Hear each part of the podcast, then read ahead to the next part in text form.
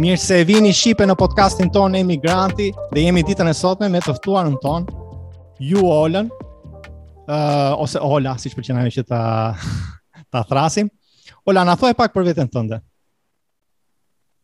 uh, Nga të filloj, nga të filloj nga Shqipëria apo Direkt në Amerikë. Filloje njëherë me, me ditën e sotme. Me ditën e sotme, me të oh my god. So, sot, sot, një ndër ditët më të ftohta që të thonë këta, që ka bërë në këto 4 vitet e fundit në Amerikë.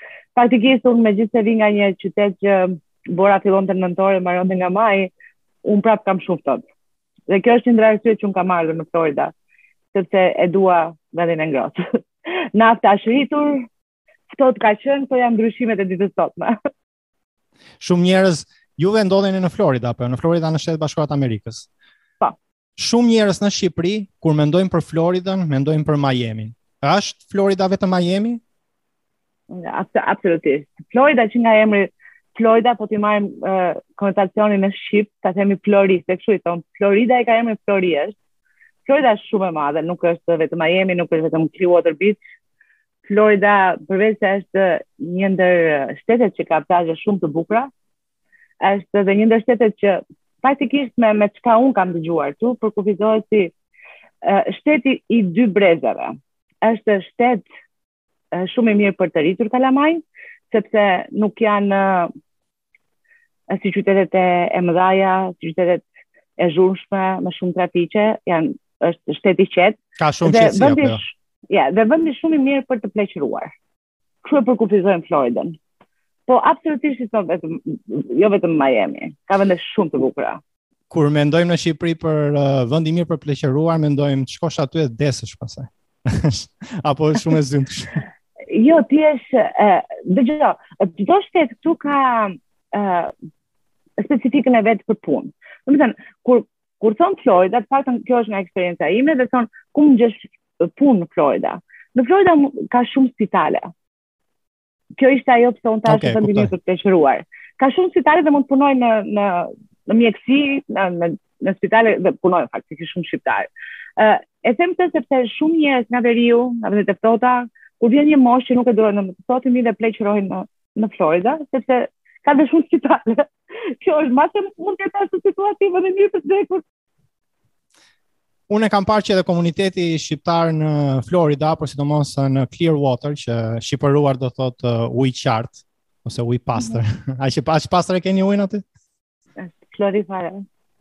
Është vërtet ujë pastër. Kam kam vënë re një komunitet shumë të madh shqiptarësh. Po çfarë i sjell shqiptarët në Clearwater? sepse nuk është edhe ndonjë ah. emër që ne mund ta kemi dëgjuar në Shqipëri. Për shembull, në Shqipëri kemi dëgjuar New York, Chicago, Boston, Miami, thamë për Floridën, por asnjë nuk ka dëgjuar Clearwater.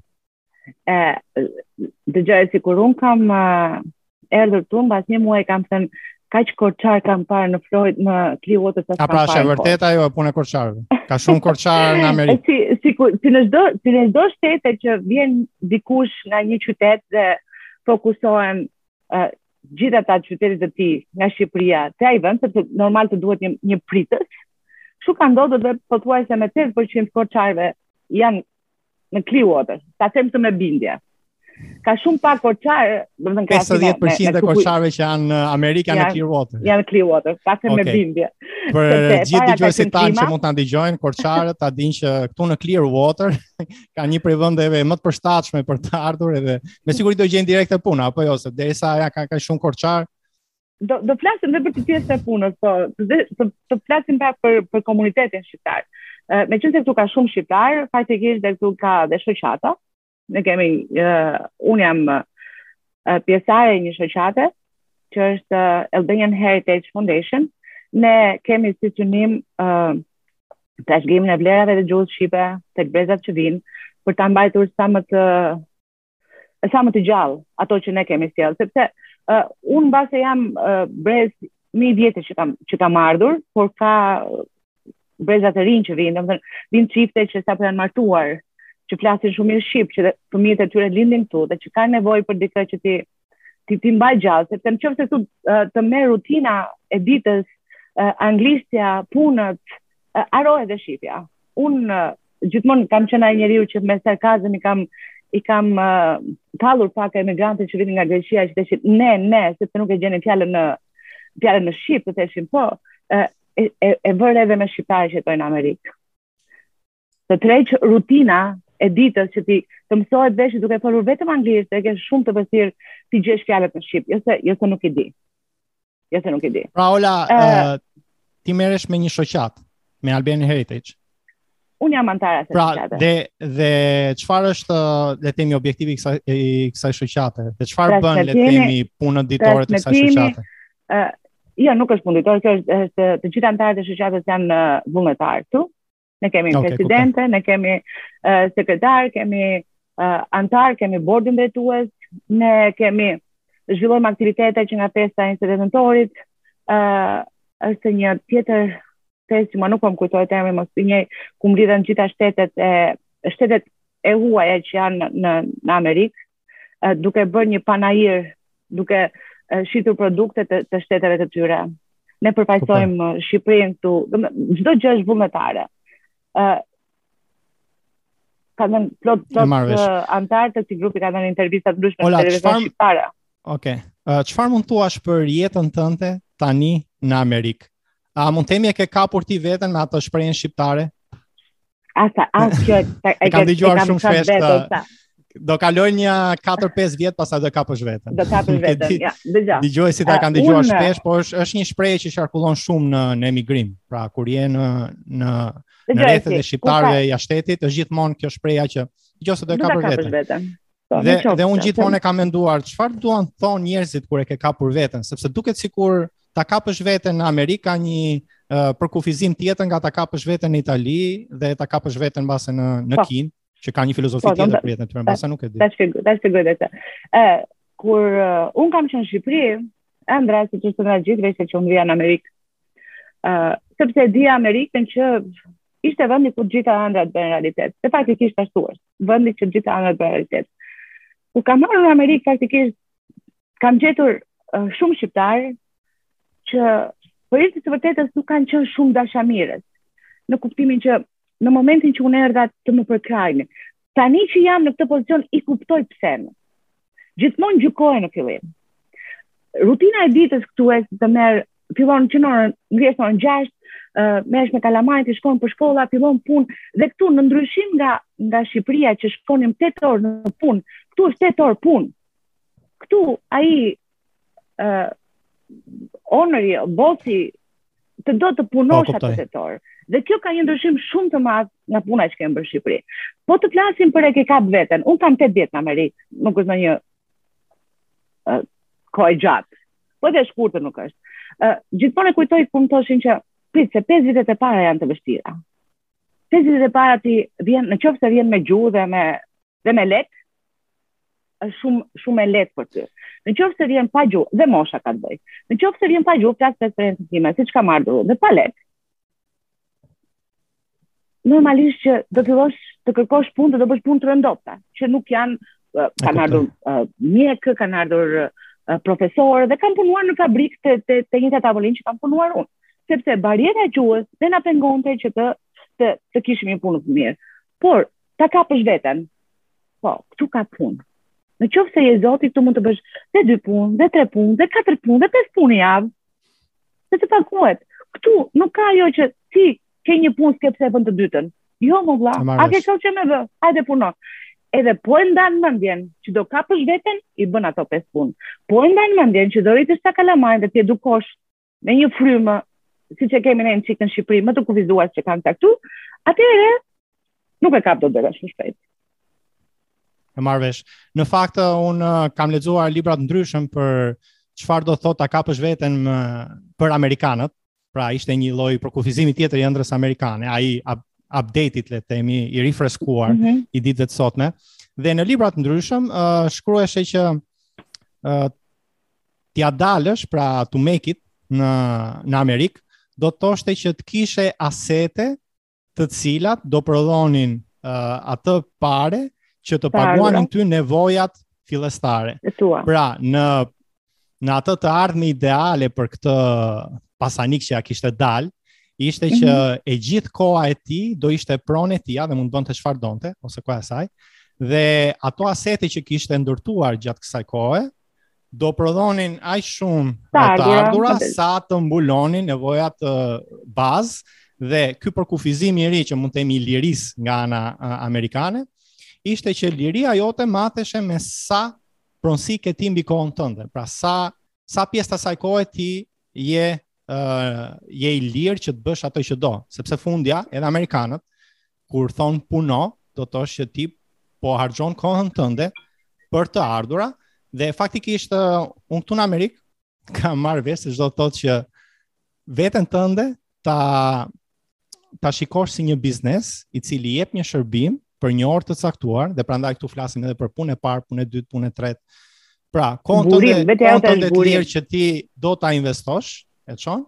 Dhe dikush tjetër të blen këtë shërbim, Dhe ndryshimi më i madh që unë kam parë këtu është se në Shqipëri dhe edhe në Europë, megjithëse besoj në vende në qytete të mëdhaja si në Londër, është pak më shumë si në Amerikë, është se ti je i punësuar tek dikush dhe këtu sikur ndryshon, pra ky lloj uh, shikimi i jetës tënde që uh, jam punësuar aty, dhe pasaj tërë kohën tjetër që mbetet e kam të lirë dhe aty pasaj mund bëj qefet e mia, mund të rri me familjen, mund dal për kafe, ndërsa këtu në Amerikë është ti ke një plan dhe për të arritur këtë plan, ke një objektiv dhe për të arritur këtë objektiv, ti uh, cakton kohë të ndryshme të javës tënde, apo jetës tënde, ditës tënde dhe kështu mundohesh për këtë kohë ku mund gjej më shumë ku mund gjej që të jap shërbimin tim dhe të arrit marr sa më shumë të ardhura që pastaj t'i investoj dhe në Amerikë është një gjë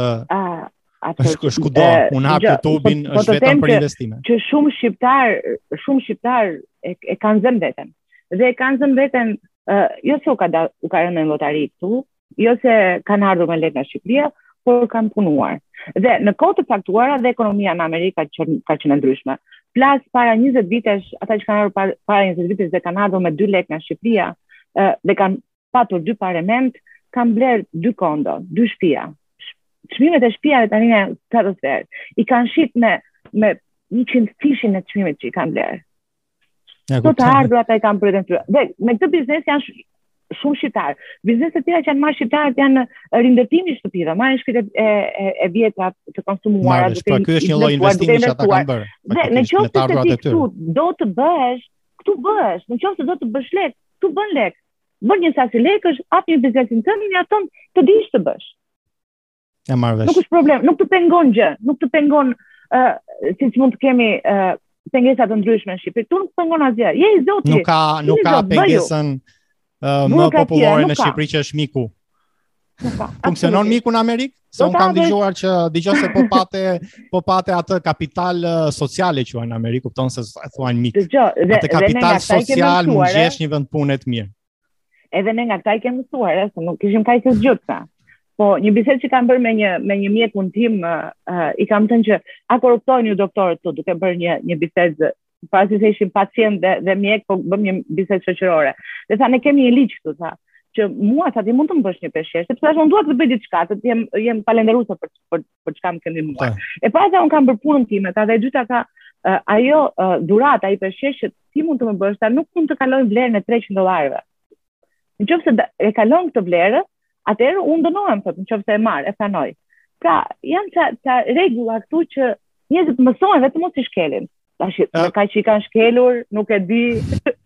nuk e vë dorën, mendoj që në Amerikë sepse kjo gjë është këtë e kisha vënë re edhe në Shqipëri që themi, po jo vetëm për amerikanët, edhe për gjermanët, le të themi për perëndimin. Kanë një etikë pune, themi. Pra kanë kanë edhe një etikë uh, profesioni. Njerëz që uh. nuk korruptohen sepse uh, e kanë atë vlerë për veten e tyre, pra e mendojnë si një vlerë. Atë s'duan ta humbasin. Dhe dhe keqja është se ta humbasin. Në qoftë se ty të hiqet licenca si mjek, sepse mori nga i djali 500 dollarë një gift. Ai ka ai ka humbur jetën. Por Ola, është është me të vërtetë, është me të vërtetë frika apo është në të vërtetë jo, një një lloj karakteri që kanë ata? Këta janë mësuar me këtë gjë? Këta këta e kanë respektin e punës. Ë ne ne shqiptarët vazhdojmë prapë atë çik hile me punën. Ë kurse këta e kanë atë nuk e di unë, janë janë breza të mësuar, kështu janë mësuar dhe nuk bëjnë ndryshe. këta e respektojnë atë që bëjnë. Mbase janë dhe ligjet që i kanë, i kanë gjithmonë janë zbatuar dhe edhe frika. Tani frika ruan vreshtin. Edhe frika mundet po unë më tepër them që e kanë e kanë e kanë Ola, unë kam vënë unë kam vënë re diçka. Unë kam vënë re diçka që kudo që shkohet lihet bakshish. Dhe kjo është po. një nga gjërat që shqiptarët kur vinë në Amerikë, është ajo që i bën më shumë përshtypje ndonjëherë, po. sepse si të marrin picën nga banaku, do lësh bakshish, është e njëjta gjë por kur të sjellin ushqimin. Ja që i kam bërë një orë ato lekë, pse t'ia lë asaj? Amerikanët nuk e falin bakshish. Edhe kam kam vënë re që Tek pjesa e bakshishit, në qoftë se ti nuk e lë, kanë mënyra që të bëjnë ty që ta lësh radhës tjetër që vjen ose që të marrësh le të themi një lloj mësimi. Pra, ti nuk le bakshish, po unë do të sillem keq me ty ose unë do ta lë No, no. no. Unë të paktën nuk e kam hasur. Pra, jo. bak bakshishi nuk, nuk është nuk është si një mënyrë për të marrë një shërbim më të mirë apo është thjesht një Ti le bakshishin Ti je sinqert, pra ta jeta dhe sinqerisht. Mbasi të mbaron shërbimi. Më kupton ti nuk le bakshish paraprakisht që ai të japi shërbim të mirë. Ti le bakshish. Por do vish aty radhës tjetër. Në receipt ti e ke, po do mund të mos shkoj atje se ka lokale sa dush. Ë, te receipt ti e ke të përcaktuar atje, sepse ë çmos, rroga rroga e punëtorëve të restoranteve është 4-5 dollarë në orë. Rrogë minimale. Pikërisht, këtu do të bëj, këtu do të këtu do të bëj një kështu një një një sqarim paraprak sepse e dim që në Shqipëri marrin rrogë normale dhe në Europë në restorante marrin rrogë normale, ndërkohë që në Amerikë kush merr bakshish zakonisht është një lë, dhe është vënë një lloj ligji për atë që yeah. quhet credit salary apo jo. Na shpjegosh pak? Po. Po. Dhe meqenëse këta e kanë e kanë rrogën më të ulët se le të them për të gjitha punët e tjera, E kanë inkludur, e kanë futur brenda bakshishin. Ka shumë restorante që jo shumë, por 90% e restoranteve bakshishin ndahet në gjithë anëtarët, sepse bakshish nuk ia jap dot atij kuzhinierit që po më gatuan atë gjënë. Po me bakshishin që po le unë, ka atë pjesën e vetë secili. Dhe kjo është ajo pse dhe te risiti, te fatura që ti të vjen ke ke 3 3 3 gradë, 15%, 18% dhe 20%. Aq sa ti ke dëshirë të lësh. Dhe këtu ti e përcakton atë vlerën e e shërbimit që ai ka dhënë. I vjen një ankorim për... mendimit. Dhe okay. pastaj ë uh, opinionet këtu i marrin shumë për bazë. Domethënë nëqoftëse ty nuk të pëlqen një kafe që ta ka bërë dhe ke një ankesë dhe ankohesh, përveç se të japin kafen free, që është gjëja më më, më e lehtë që mund të ndodhë, të kërkojnë ndjesë një mijë herë se u kishë çat kanë. E kuptoj. Pra vlera e klientit është shumë më e madhe se ç'mund të kemi ne në Shqipëri. Klienti është i pari. Vlera kam... është edhe te produkti, por është edhe tek gjërat që ne japim. Edhe themi, dëgjo se më ka kushtuar mua për shembull ajo kafe kurse këtu Jo vetëm kafe, unë e kam vënë re në shumë gjëra, ti mund ta kthesh dhe t'i thuash që dëgjo se nuk nuk më ka pëlqyer, nuk ka funksionuar dhe herë pas here thonë edhe këtë sugjerim. Dëgjo, nëqoftëse të prishet diçka, shko merr një tjetër te supermarketi edhe pastaj ndërroje atë që ke prish. Fakti që ata të pyesin çfarë shkon, çfarë ka qenë në okay me produktin me atë, e, e bëjnë që herën tjetër ta rregullojnë. Po këtu çdo gjë kthehet, ka ke 30 vjet 30 ditë policy në çdo risit, mund të kthesh dhe bukën mbas 30 ditësh, mund të kthesh dhe bluzën mbas 30 ditësh. Mund plus që ne shqiptarët e kemi zakon që kur kemi dasma në Shqipëri, i marrim fustan dhe e veshim atje, i kthejmë prapë këtu, s'është big deal, sepse është ekonomi ekonomi e madhe ka ka shumë produkt. A, ajo që mua më ka bërë përshtypje në Amerikë, më ka bërë përshtypje radha. Gjë që në Shqipëri është harruar. Këtu amerikanët kanë një fjali. Came first, serve first. Vjen i pari, të shërbej të parin. Këtu radhat i kam vën i kam vënë re në në në dy objekte. Ë uh, radhat për të dhënë gjak kur duhet, kur kërkon shteti për ushtarët uh, amerikan për të dhënë gjak, këtu amerikanët rreshtohen. Pra rreshtohen për të dhënë gjak. Është janë, ajo janë thirrje solid... civile. E ndjejnë, e ndjejnë ato thirrje civile për të bërë diçka për për komunitetin e tyre në fund fundit. Absolutisht. Dhe radhat në dyqan. Këtu ka radhë në dyqan. Ku shkon atje në radhë? Unë nuk e mbaj mend në Shqipëri kur ka qenë hera e fundit që kam ndenjur në radhë. Po të gjithmonë te dyqani i lagjes në një fshat, të dhe merja para. Ola. Ata gjë uh, plan rregull. Unë kam dëgjuar diçka, që është një lloj si një lloj teorie, që është Ne në fakt disa gjëra nuk i bëjmë me efektivitet ose me produktivitet, sepse ne jemi shqiptar, themi. Edhe kështu i kemi ca zakone, kështu i kemi ca kultura. Edhe në fund të fundit, nëse nuk të pëlqen, atëherë shif shif punën tënde, sepse ne jemi shqiptar dhe nuk do na ndryshosh ti. Dhe kam parë që për shembull disa gjëra që janë ana e çorganizimit, janë janë marrë si norma shqiptare.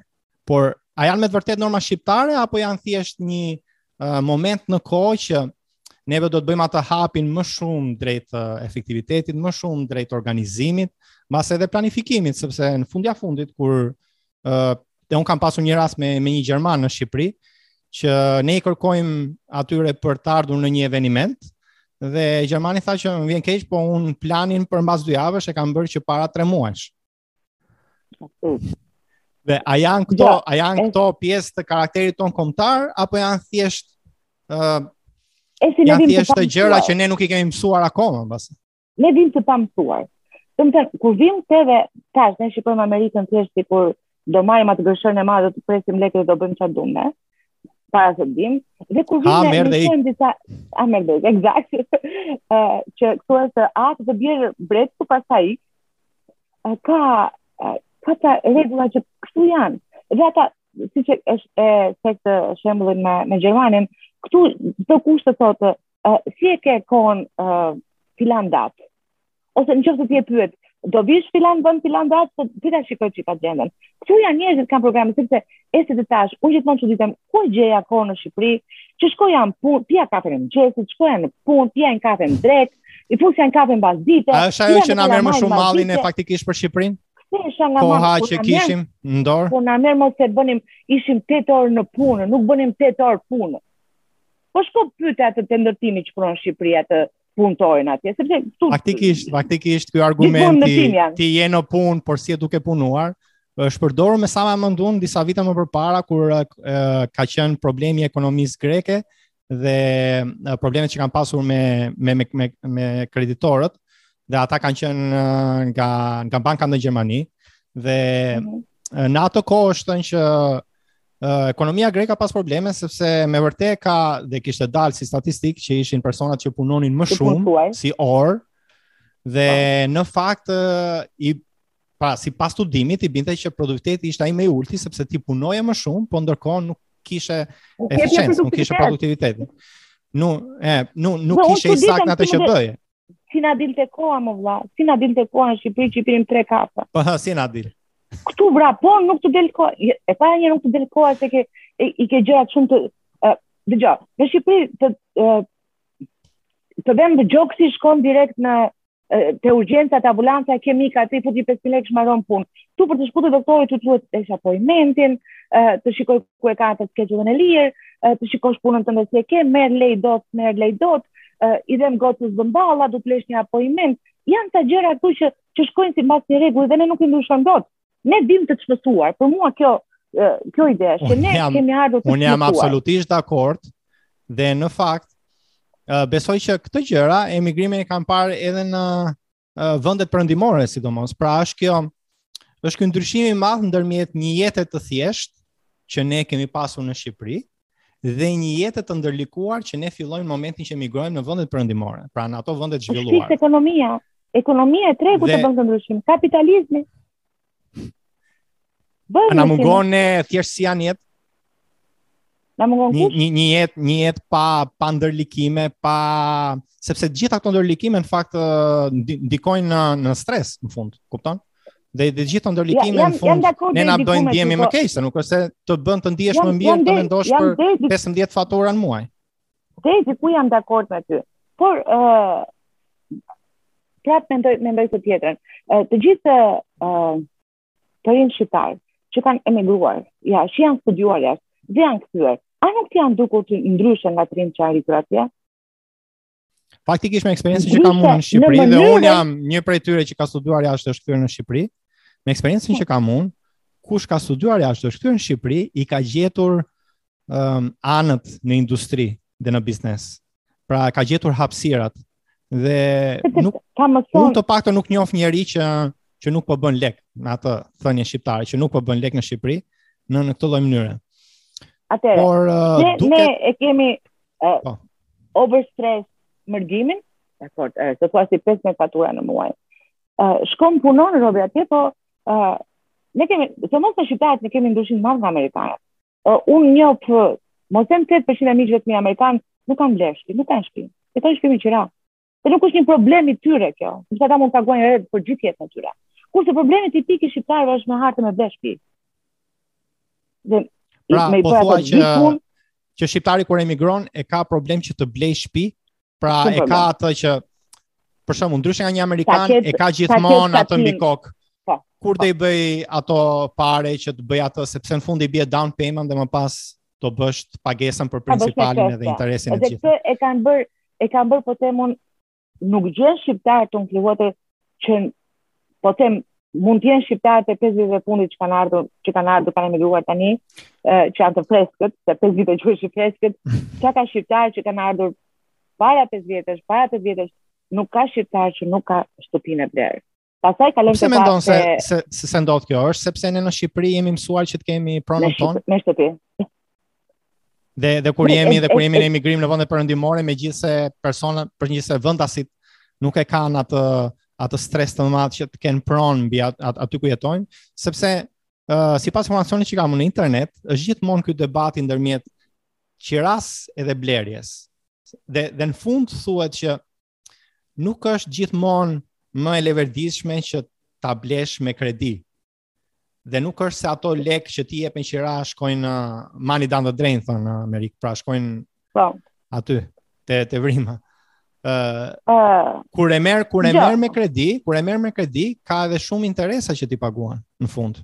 Absolutisht. Absolutisht. Dhe kur kur paguan qira, kur paguan qira, atë atë pjesë të të ardhurave tua që kishe lënë mënjanë që e jep për për down payment, që është parapagim, Ajo pa. Po. ajo pjesë e parave mund të ishte investuar dhe mbase të fitoheshin një 10% apo 15% tek ajo tek ajo tek ajo para dhe në fund pastaj mas 20 vitesh atë pjesë që kishe lënë mënjanë, megjithëse kishe paguar paguar qira. Ka shumë që kanë bërë të Shkonte në 10 fish. Ka shumë që kanë bërë. Ka shumë që kanë bërë dhe unë tash ka shumë shqiptarë që kanë shumë shtëpi. E kanë investuar sepse dëgjoj se s'di sa e kollajt është që ta investosh. Po nuk bëre lek këtu me punuar Nuk ke si, s'i gjen lekët për të investuar. Dhe po nuk solle lek. Në qoftë se vjen me lek nga Shqipëria, me lek nga ku i ke bërë Angli e të tjera, është shumë është shumë e lehtë jeta. Sepse këtu në qoftë se fillon një biznesin tënd, krijon atë atë kohën e tij që ka përpara, që do të pikojë. Dhe ai investimi që ti ke bërë para 20 vjetëve që ke blerë dy shtëpia, sot po lajnë shpinë që ti ke që ke një shtëpi shumë të bukur, shumë luksoze. Po e lajnë ato qiratë e tyre. Kuptoj. Kuptoj, investimi, investimi është gjithçka. Në qoftë se je smart ne ne gjithë shqiptarët jemi më smart tani nuk ka ku të shkojmë më, po unë as të kemi gjithë shumë lek. Jemi ne me të vërtetë më të zgjuarit. jemi shumë të zgjuar. E di pse jemi të zgjuar? A jemi sepse... të zgjuar sepse sepse kemi ardhur nga një vend i varfër dhe e kemi pasur nga nevoja apo thjesht jemi ne të zgjuar sepse mbase nga një lloj geni që kemi pasur një histori? Të dyja gjërat. Ne jemi pa, ne jemi pra, të zgjuar sepse jemi jemi komb i zgjuar. Edhe nga jeta, dhe... edhe nga natyra. edhe nga natyra dhe diçka tjetër që na ka na ka uh, favorizuar ka qenë sidomos flas nga mosha ime dhe lart, ka qenë uh, teoritë e lindjes që ne kemi mësuar, ne kemi mësuar shumë teori. Ndryshe nga amerikanët që uh, dhe kur uh, kam qenë në në një shkollë duke bërë substitute teacher, edhe ishin te letërsia uh, greke. Dhe për të shpjeguar gjithë harkun e letërsisë greke që ne në shkolla e kemi mësuar me teori, me autorë, me Kuptoj. vepra, ata shikonin thjesht Elenën e Trojës film. Kuptoj, por Shumë fort, Ola, që është të një gjithë teori- e kanë gjenë.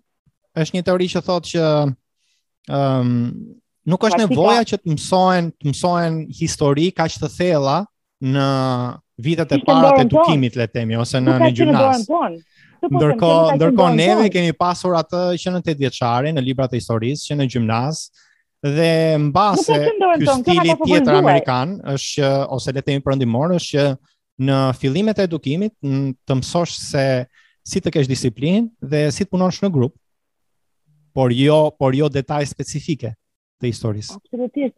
Ndaj thashë, mosha ime dhe lart, nuk e, nuk e kemi zgjedhur ne. Në atë, në atë mënyrë u mësuam, ashtu na mësuan. Që nuk por, por ndërkohë po thua që na ka bërë më të zgjuar, ndërkohë. Ndërkohë na ka bërë më të zgjuar sepse kemi punuar më shumë. Na ka na ka favorizuar. Se zgjuarsinë e kemi tonën, fama atë. Jemi jemi komb i zgjuar, dhe jemi të zgjuar. Vërtet jemi jemi jemi shumë të shumë të mprehtë me gjërat. Mbase ka qenë varfëria, mbase ka qenë, mbase ka qenë nevoja, mbase ka qenë dëshira, mbase ka qenë kjo pjesa që thash që jemi mësuar me me mësimet e lindjes, me shumë teori. Nuk e di po ne jemi të zgjuar. Ola, Sepse unë shoh. Në fakt, në në fakt mund të ketë qenë edhe që ne që të vegjël jemi uh, prindrit tanë të paktën janë munduar që ne të mësojmë gjuhë të huaja që në fillim. Dhe disa herë kur unë jam menduar se kur ka qenë di, disa herë un kam menduar se kur ka qenë uh, fillimi i emigrimit për për veten time, por e kam menduar edhe për njerëzit e tjerë dhe gjithmonë duke i bërë vetes pyetjen pse pse pse, kam arritur në përfundimin që mund të ketë qenë edhe momenti që kemi që prindrit tanë kanë vendosur që ne të mësojmë gjuhë të huaj.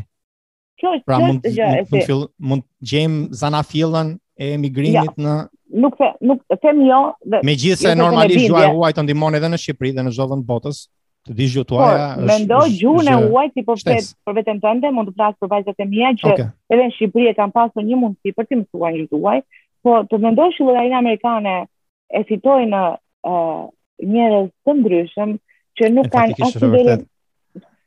Që s'e mban mend ato video njerëz që paraqiteshin që në orën 4 të mëngjesit sepse hapeshe lotaria amerikane. Eksakt. Kështu që kjo pjesë ne mësojmë, ne mësojmë, mësojmë se kam ne kam mësuar nevojë. Un kam marrë tap pikë gjuhë për për shembull.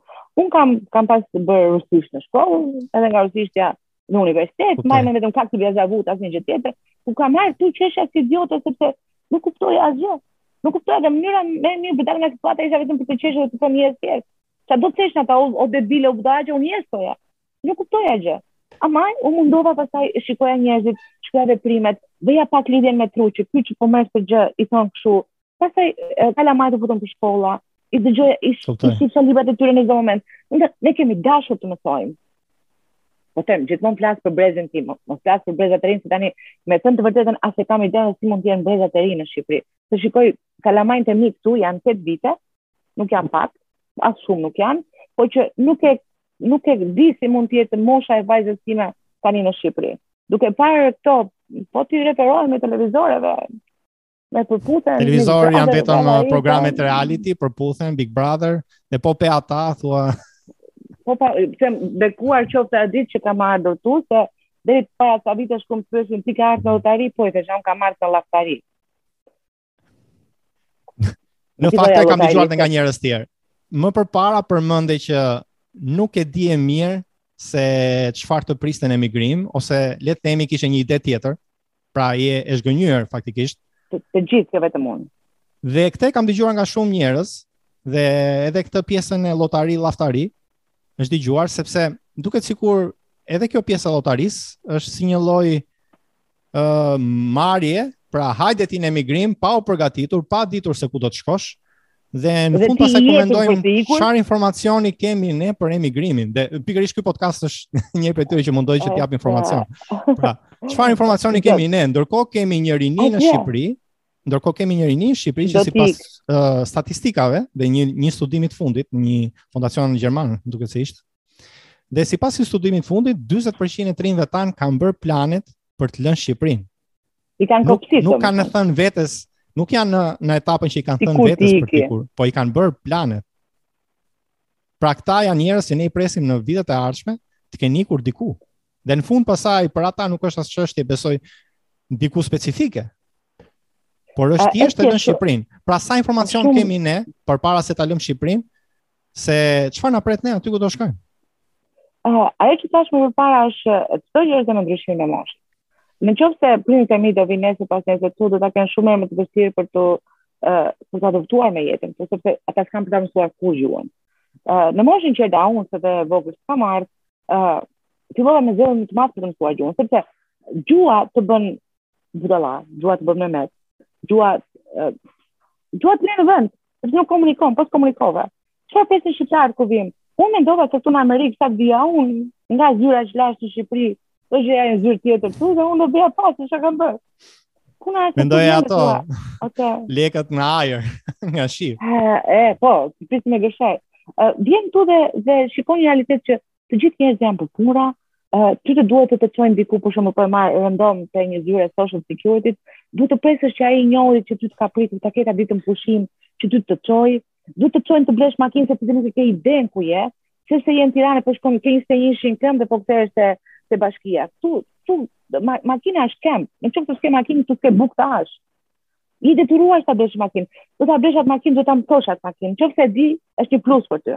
Qoftë se di dhe gjuhën janë dy pluse për ty, sepse është në qoftë se ti fillon, vjen dhe kap një punë komode, sepse i ri je, gjuhën e ke, makinën e di, që po. të të mendojnë. Të gjitha këto barriera që unë them uh, laftaritë, e flas për, për njerëz që janë të uh, moshë më madhore, që nuk, kanë, nuk dinë gjuhë. Unë un, thashë, e marrë nga vetja ime, unë kam ardhur vetëm me rusisht, vetëm me rusisht, që kam studuar këtu sa asnjë fjalë nuk di rusisht. Dhe kur shkon dhe ë uh, kërkon punë, normal që të marrin në punë kur s'ke gjuhë do marrësh punë krahu.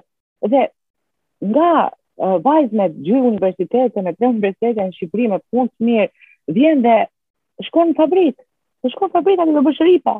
Do ta ulësh kurrizin gjithë ditën 8 orë. Në fakt Ola, në fakt Ola, uh, ne kemi dëgjuar shpesh edhe histori uh, shqiptarësh normalisht, por Besoj kjo është historia standarde e vendeve të varfra, pasi unë këtu në Amerikë kam biseduar edhe me venezuelanë, dhe ndërkohë ke doktorë, ke dentistë, ke avokatë, të cilët emigrojnë në Amerikë, mund të kenë ardhur me skaf, mund të kenë çfarëdo lloj gjëje, dhe në fund i shikon që lajnë dyshemetë.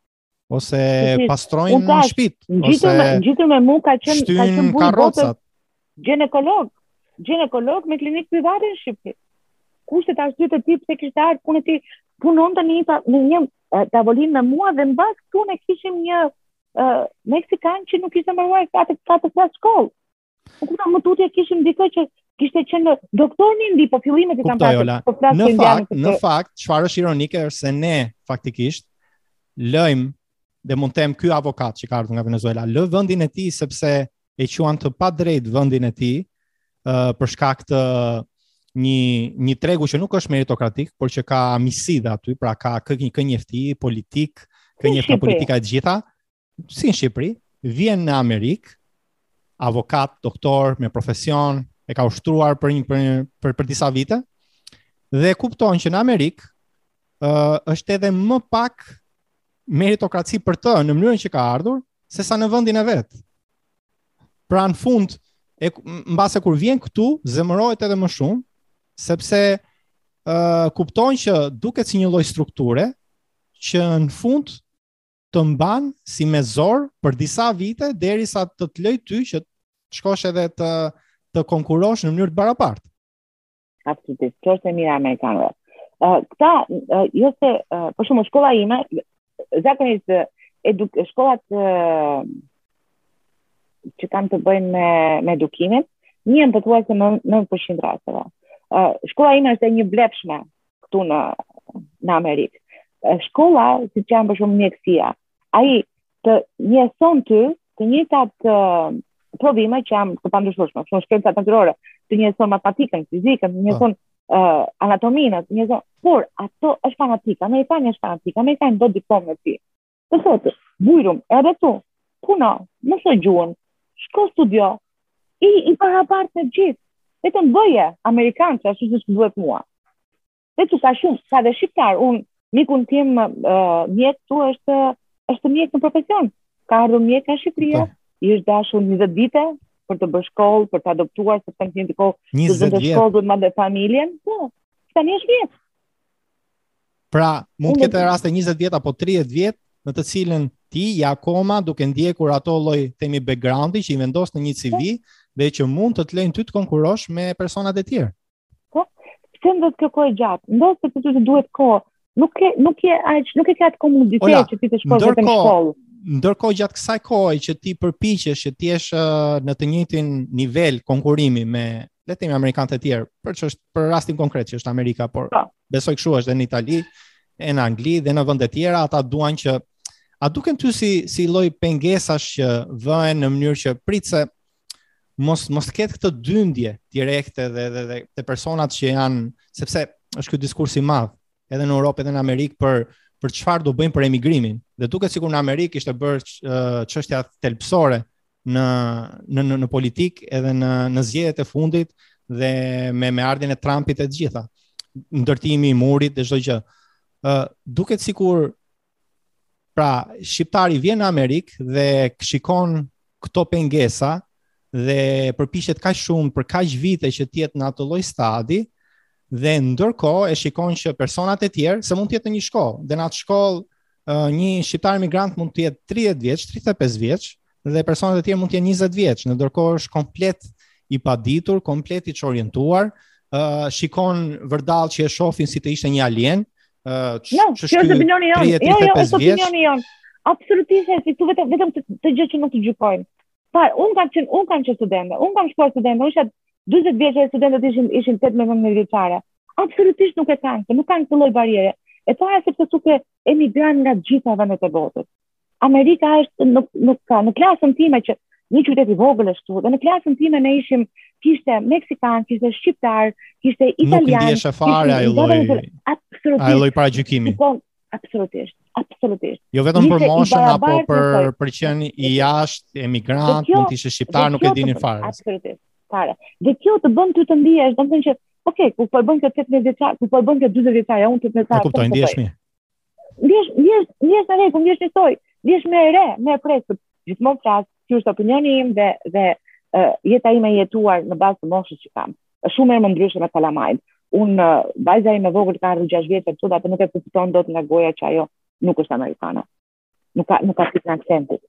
Kurse unë dallohem që një lartë që jam e huaj. Pse, pse mendon ti se amerikanët janë kaq le të themi praktikë edhe kaq pa, pa paragjykime kur vjen puna në këto, në këto raste, ku ndërkohë ne mund të themi që në Europë, në vendet më popullore ku kanë emigruar shqiptarët, në Itali apo Greqi, ekzistojnë gjithmonë këto paragjykime, si të shofin, edhe kur je për shembull i vjetër në një klasë me të rinj, apo sidomos kur je shqiptar apo rumun apo ekzistojnë gjithë gjithmonë këto paragjykime, ndërkohë që në Amerikë nuk dallohet kjo gjë. A është vetëm sepse po, Amerika ka qenë vend emigrantësh apo ka diçka më shumë që ka të bëjë me me me jetën e tyre, me përditshmërinë e tyre? Unë më nga nga studimet që që kam bërë kur kam qenë në Shqipëri, uh, kam mësuar që Fan Noli ka mbaruar kolegjin këtu në moshën 60 vjeçare. Domethënë që në atë kohë nuk ka qenë problem. Sepse këtu ka një kushtetutë që zbatohet, nuk ka qenë problem. Dhe thotë, që në kjo moshë dhe në 99 vjeç, ti ke të drejtë të shkosh në shkollë, ti ke të drejtë të shkollohesh. Ti ke të njëjtat të drejta. Pra ka të ka të bëjë me karakterin amerikan të lirisë dhe të dhe të mundësisë pra të të japi ty mundësi, pavarësisht çfarë moshe je, çfarë background-i ke. Çfarë niveli absolutisht. Ti e ke një mundësi. Absolutisht. Dhe kjo, unë, e thashë në fillim, Amerika është vëndi i mundësive. Dhe po je i zoti kapi mundësit.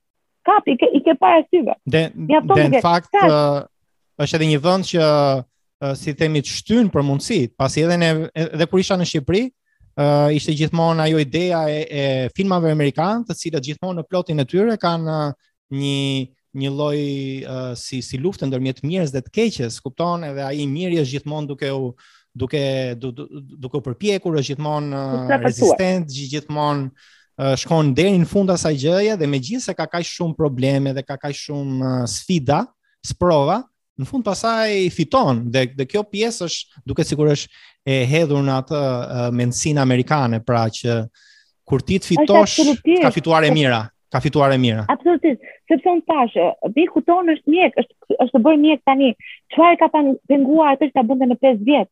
Po e ka penguar ajo që ai kishte një familje, kishte dy fëmijë për të rritur, kishte një familje që duhet të mbante, duhet të punonte, nuk kishte kohë. Në qoftë se këtu ke privilegjin që të vish nga Shqipëria dhe të shkon shkon shkollë se t'i paguan dikush tjetër billat, po kush nuk bëhet? Tash më shumë do t'i kesh me shkolla të mbarume gjithë uh, kalamajt e politikanëve të Shqipërisë. T'i kesh të paguar vim bëjmë vetëm shkollën. Po dhe unë që jam këtë moshë, në qoftë se kam njeri që m'i paguan billet, shkoj në shkollë me qejfin më të madh. Me qejfin më të madh, e nis shkollën nga e para. A mund të di që për të marine, sa e, unë... E ndjen, e ndjen që në Amerikë, dhe kjo mund, për dëgjuesit tanë që mund të jenë edhe në Angli, dhe në vënde të tjera, le të themi në përëndim, e ndjen që sikur është më e thjeshtë t'i kesh këto objektiva edhe në, edhe edhe më vonë në moshë, e, je gjithmonë në kërkim, duket sikur je gjithmonë në kërkim, je gjithmonë uh, duke shtuar diçka vetes, je gjithmonë duke mësuar diçka. Dhe duket sikur ë uh, sepse është kjo që në Shqipëri janë ndenjësit, në në jashtë shtetit janë emigrantët dhe ndenjësit. Ata që kanë ndejtur në Shqipëri, sikur nuk e kanë shumë ato, sikur nuk nuk është se pyesin shumë veten për ë uh, sikur të mësoj dhe këtë gjë ose sikur pra ti ti po thua që sikur të m'i të m'i mundësojnë nevojat e mia, po, unë do shkoja me gjithë qejf prapë në shkollë. Mendon se ka shumë shqiptarë, mendon se ka shumë shqiptarë në Shqipëri që do bënin këtë gjë. Në qoftë se do do t'ia paguanin nevojat, në qoftë se dikush do t'i jepte të ardhurat për nevojat bazike, do shkonin prapë në shkollë. Ajo që unë kam kam kuptuar në në Shqipëri është se e, në sa mënyrë të lehtë duan ta nxjerrin lekun, sepse e kanë parë që duke u bërë po e marrim kot pjesë e me një ë uh, reality show siç është Përputhen ti uh, i bën ja 500.000 followers të fillojnë reklama dhe bëhesh i pasur pa merak. Ai ai model jepet në Shqipëri. Kurse ky model ai model këtu nuk jepet. këtu uh, një gjë që unë jo jam në kundërshtim me amerikanët, por uh, gjithmonë prapë te kjo pjesë është që këta e mësojnë fëmijën uh, të punojë që kur është uh, që kur është 5 vjeç, që kur është 6 vjeç, të mësojnë të punojnë. I thonë do do t'i nxjerrësh koshat nga mbrapa shtëpisë deri te rruga ku i merr makina, do të paguaj 1 dollar, kjo që bëhet dy herë në javë. Dhe ata kalamaj, rriten me idenë që unë do të bëj diçka që të paguhem. Nuk të paguan kush kot. Unë mbaj mend babin tim na jepte 5000 lekë për të pirë kafe dhe kot. Kurse, në fakt, vajza unë edhe jam habitur këtu në Amerikë që edhe në në për vende të ndryshme ke ke ke kalamaj le të themi që që punojnë në 16 vjeç, 17 vjeç, edhe edhe punojnë fort biles, se nuk është nuk është as punë Uh, 16 vjeç lejohet. 17, okay. ja, jo 16 vjeç lejohet të punosh. Lejohet. E kam e, e, e kam fjalën që po e kam fjalën që duket sikur e kanë gjithmonë atë mendimin dhe në fakt mbase ne kemi atë mendimin në Europë që, që që që të rinjtë e kanë gjithmonë mendjen ku të udhtojmë, ndërkohë mbase edhe këta të rinjtë amerikanë ja, mendojnë jo. për punën kaq herët edhe nuk është se kanë aq E di pse e di pse mend, pse mendojnë se sepse unë tash është vetëm një gjë që unë nuk jam dakord me amerikanët që në moshën 18 vjeçare ata fëmijët i lënë të lirë. Kur vjen ti 18 vjeç të quajnë të rritur dhe ke të drejtë të ikësh, mos them që i zbojnë nga shtëpia, por ikën nga shtëpia, largohesh jeton me me shokët, me shoqet e tua dhe i del ballë jetës duhet të shkosh në shkollë, nëse ti të mbajnë shpatullat, të shkosh dhe në shkollë dhe në punë, mbash dhe shpinë, do ecësh në jetë, në qoftë se jo, ka shumë ka shumë fëmijë amerikanë që nuk arrijnë dot të mbarojnë shkollën, sepse uh, nuk ia dalin dot me punë dhe të paguar billat. Kurse komoditeti që ne japim fëmijëve shqiptarë, fëmijëve tanë, është që ne i mbajmë në shpi derisa të mbarojnë shkollën, i suportojmë, Ka disa që thonë që për shkak se ne i i suportojmë kaq shumë, pra i japim këtë komoditet, le të themi, uh, fëmijëve shqiptarë, ata shkojnë 20-25 vjeç rrinë akoma me prindërit, uh, punët i gjejnë për miqtë e prind, nga miqtë e prindërve, edhe duket sikur uh, janë llastuar. Edhe është gjithmonë edhe kjo edhe edhe, edhe kjo teori që uh, Italia e jugut i ka të llastuar, pra veriu e Italisë me jugun përdor gjithmonë këtë që uh, në në jug i, janë të llastuar sepse rrinë me prindërit e tyre 25 vjeç, uh, 27 vjeç, janë ato i quajnë mamone. Për për Evropën nuk po flas fare, po them po flas thjesht që është në Amerikë dhe si nuk besoj se se se kalamaj të paktën nga kalamaj shqiptarë që unë njoh këtu dhe familje shqiptare që njoh përveç se i kemi pra nuk janë llastuar edhe pse i kanë suportuar i ndihmon familja i kanë suportuar është suportim kjo, llastim është kur je uh, 16 vjeç dhe babi të blen një një Mercedes Benz apo të blen një një makinë të shtrenjtë është llastim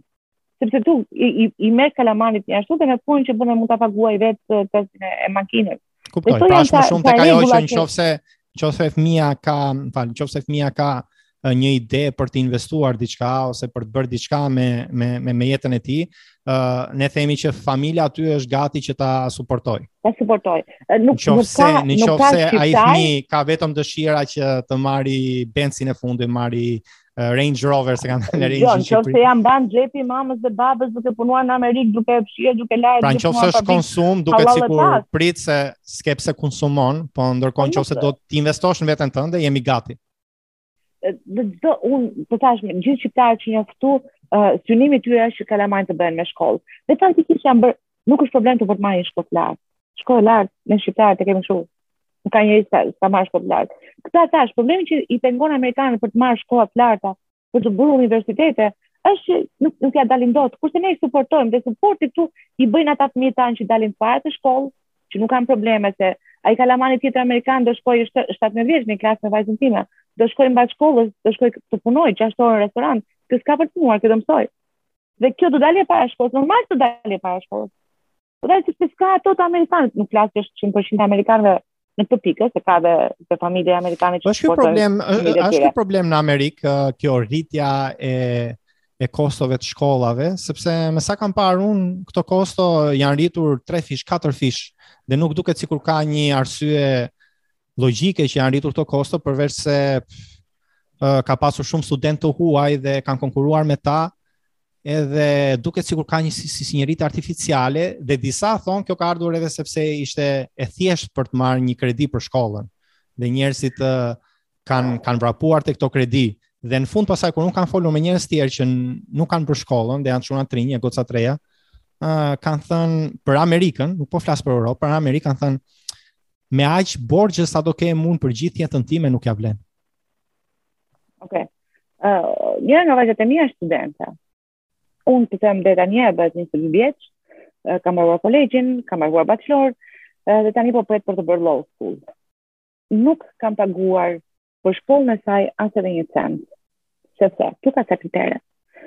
Thotë ai, në qoftë se grada jote, vlerësimi yt, i kalon mbi 4.1, mesatarja, si e quajmë në Shqipëri, shteti të mundëson, të mundëson pagesën.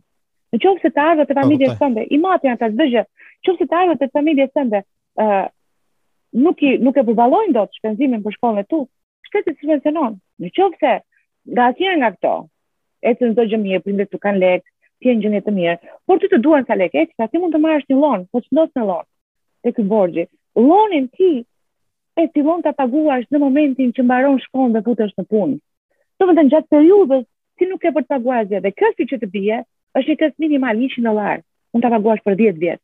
Mund ta paguash për 20 vjet. Sa përqindje e të ardhurave tua në qoftë se zë atë punë që ti mendon entry level në atë shkollë që ke bërë mund të jetë. Mund të jetë 20% ajo? Mund të jetë 10%? Asgjë, është, është, është mund të them, në qoftë se ti investon për atë punë të mirë, që do marrësh atë rrogë të mirë, ajo mund të jetë uh, mund të arrijë një, një, një kafe mëngjesi apo një drekë që mund t'ia heqësh gojës. Êshtë, nuk, e, nuk e di unë, sepse ashtu e gjykoj. Ashtu është. Ti ke të drejtë, të ashtë, ore, ore, se ti shkon, shkon në, në spital, nuk e, nuk e le pa paguar atë billin, sepse për x arsye ti nuk ke siguracion, apo më tepër. Faktikisht, Amerikanët janë të famshëm për këtë spitalet, për, për pjesën e pagesave në spital. E ke, E ke të të 5.000 dollarëshe. Dhe sa të duash bëre atë. A ke me më dhënë 5 dollarë në muaj? M'i jep. Marvesh. Mjafton që ti ta paguash. Mjafton ta paguash. Sa më 5 dollarë. Ku të kushton 5 dollarë? As 20 dollarë nuk kushton. Jo shqiptarit as amerikanit as njëri jo 20 dollarë në muaj t'i paguajë. Për një shërbim që është dhënë. E kuptoj. Nuk po paguan për që. Uh, Ola, pak më parë ti përmënde që uh, kur erdhe në Amerikë u zhgënjeve. Dhe edhe përpara se të bënim këtë intervistë, the që nuk është se nuk ke këtë eksperiencë të mirë për emigrimin dhe nuk do e bëje, nuk do e bëje po ta dije. Tani kush është kjo gjëja që po ta dije nuk do e bëje? Po të po të dije se çfarë do ndodhte. Pra kush është kjo gjë që edhe neve tani ta themi dhe dëgjuesit tanë që janë në Shqipëri për shembull ta dinë. Që se, po vajtën në Amerikë, Ta pyesësh mirë bythën jo, domethënë se Unë tash, nuk nuk është për nuk është për të gjithë, kjo nuk vlen, sidomos për të rinjtë nuk vlen fare, një kohë nuk dëgjojnë fare, të rinjtë vetëm pleq që duan të vijnë këtu të më dëgjojnë. Ë, uh, e shikon veten si ë uh, sepse tash këtu janë të barabartë. Këtu merr të njëjtin shërbim dhe mjeku dhe avokati dhe doktori dhe dhe pastruesi. Këtu të njëjtin shërbim merr kudo që të jetë. Erdhe i pari të shërbejnë i pari nuk ka. Kurse ne ishim mësuar në tjetër jetë. O, unë, unë, gjyra, unë që vishja ato taka që të thyeja kokën, këtu Vish atletet, vish tuta sportive, e sa më komfort të bëhesh dhe shkon. Dhe e shikon veten e thua, ta i djalli, po se ajo jetë ishte mirë, sepse ne, ta është jeta e Shqipërisë, aq ishte kafja e kreura e flokëve, po e të qikëton, që të qikëton të lagja, rehatia, rehatia. Dhe kur ne na prishet rehatia, të të të të por për fëmijët e mi, Faktikisht ne shqiptarët e kemi dhe atë shprehjen. Ne kemi atë shprehjen, "Ma, çfarë bën ti?" Ja, mirë rehat. Po ti si je mirë rehat. Pra, rehat e quajmë e quajmë e quajmë gjithmonë një gjë të mirë dhe në fakt po të shikosh në filozofinë botërore dhe në fakt edhe edhe në fjalimet e e personave që merren me biznes dhe japin këto këshilla biznesi, gjithmonë mundohen të thonë që dil nga zona e rehatit. Pra duket sikur kjo dalja nga zona e rehatit është ajo që ndodh ndodh ndodh magjia. Kurse ne e kam vënë re që në Shqipëri e kemi si ke qenë rehat, e kemi rehat si gjënë e mirë dhe jo rehatin, pra zona jashtë këtij rehatit tonë është gjë e keqe. Dëgjo, po në po në fund po thua që kur shkon në emigrim të merr malli pra të rehat. Dhe në fund pastaj kur ne duam që ne të jemi të lumtur, duhet të jemi të rehat, se s'ka lumturi pa rehat apo jo. Ok. Ok, e ti që të. Um, pjesa, pjesa e rehatit, tash, ajo që, ajo që na, ne jemi mësuar në Shqipëri ka qenë, ka qenë rutina e përditshme, rutina që, që ne nuk lodheshim, sepse 90 përqind e shqiptarëve kanë një shpi. Uh, 50% e të rinjve jetojnë me prindër derisa të, derisa të martohen. Oh. E, e kanë, dhe kjo është rehat, Kjo është atë nuk është shkoj ke. A është a është ky edhe një rrjet, një një rrjet uh, cilësor le të themi shoqërie që neve kur shkojmë në emigrim na mungon që të kemi atë lloj atë lloj le të themi ata njerëz. Se unë kam folur edhe me emigrantë të ndryshëm dhe kanë thënë e kam problem këtë shoqëri, është shumë vështirë që të gjesh shoqëri. Na mungon dhe dhe në një pikë uh, rehatia, por sa për pjesën e shoqërisë këtu është është E para punës është lotari për të bërë miq, sepse ktu nuk i zgjedh dot miqtë, do t'i bësh ata që ke, sepse këtu ata shqiptarë janë dhe ata do të do shoqërohesh, do s'do ti. Ajo është pastaj zgjedhja jote në qoftë se do të shoqërohesh dhe e mbyll këtë kapitullin dhe të pranon që t'jetosh vetëm ose të të izolohesh nga shoqëria. Në Shqipëri ti ke ata që ti je rritur, i ke ata që që që ke besuar, i ke ata që që e dinë rrugëtimin e jetës tënde. Kurse këtu pastaj po u bënë katër shqiptarë, fillon i pari dhe thotë, "O, oh, shtëpi djali im, po djali im, ka katër shtëpi bleu." I bëri rregulloi nga ato 50000 dollar fitoi. Domethënë, kjo pjesa e pordacionit në Shqipëri nuk mungon. Se si gazra. E kemi perfeksionuar, e kemi perfeksionuar se që çka kanë bërë dhe ti kur vjen në momente dëgjon njërin që ka blerë pesë shtëpi dhe tjetrin që ka dy makina, ë uh, tjetrin që ka këtë dhe atë, tjetrin që ka botë se këtu në ku ku jeton në atë. Kam dëgjuar nga një shoku im, po më thoshte që ishte në Angli, po më thoshte kam një problem, më bënte mua që kam shumë pordhë, po s'kam asnjeri që t'ia shes. Pra më ka ngel, më ka ngel stok. Më ka ngel stok në emigrim. Kur ti kur ti shikon gjithë ato gjëra thua, po ç'të ç'të ç'më duhet mua? Përveç stresit që sjell t'ia dal ktu, të kem dhe si ta arrij këtë. Uh, unë un mendoj, un mendoj që sidomos në vitet e para në emigrim ka një stres të madh. Dhe shikojmë vërdallë dhe mundohemi të kuptojmë se ku është ai stres. Barriera, barriera e gjërave që ti nuk nuk e njeh. Është barriera e gjuhës, por është edhe barriera e normave, nuk jemi mësuar me këtë lloj jete, nuk e kemi pas kaq të ndërlikuar. Ku je? Unë qesh me amerikanë, gjithmonë që bëjmë muhabet dhe më thonë mua, ju jeni të fortë. Sepse unë i them, i tregoj si kemi ardhë dhe Dhe them unë është njësoj si të të marr tani, siç je, të marr një valizje, të, të çoj te qyteti im, dhe them tani këtu do jetosh, këtu do jetosh, të të të gjesh punë, të të gjesh shpi, të të fillosh të gjesh rrugët, të dish ku blihet buka, ku blihet gjalpi, ku blihet djathi, edhe të jetosh, dhe të thonë, hell no, we're not gonna do that. Dhe, dhe, dhe s'është, dhe s'është thjesht diku tjetër, por është diku që është gati shumë larg nga ajo që Nuk e nuk e ke mësuar. Këtu ngele keq. Në qoftë se ke këta shqiptarë që ke këtu që mund të japin një dorë që edhe s'ta japin, atje gjithë te shpia jote ke xhaxhain, ke çupën e xhajës, ke djalin e hallës, ke atë shokun që je rritur gjithë fëmijërinë tënde. Dhe këtu janë gjëra që mendojnë që do ta hedh dallin. Po në fakt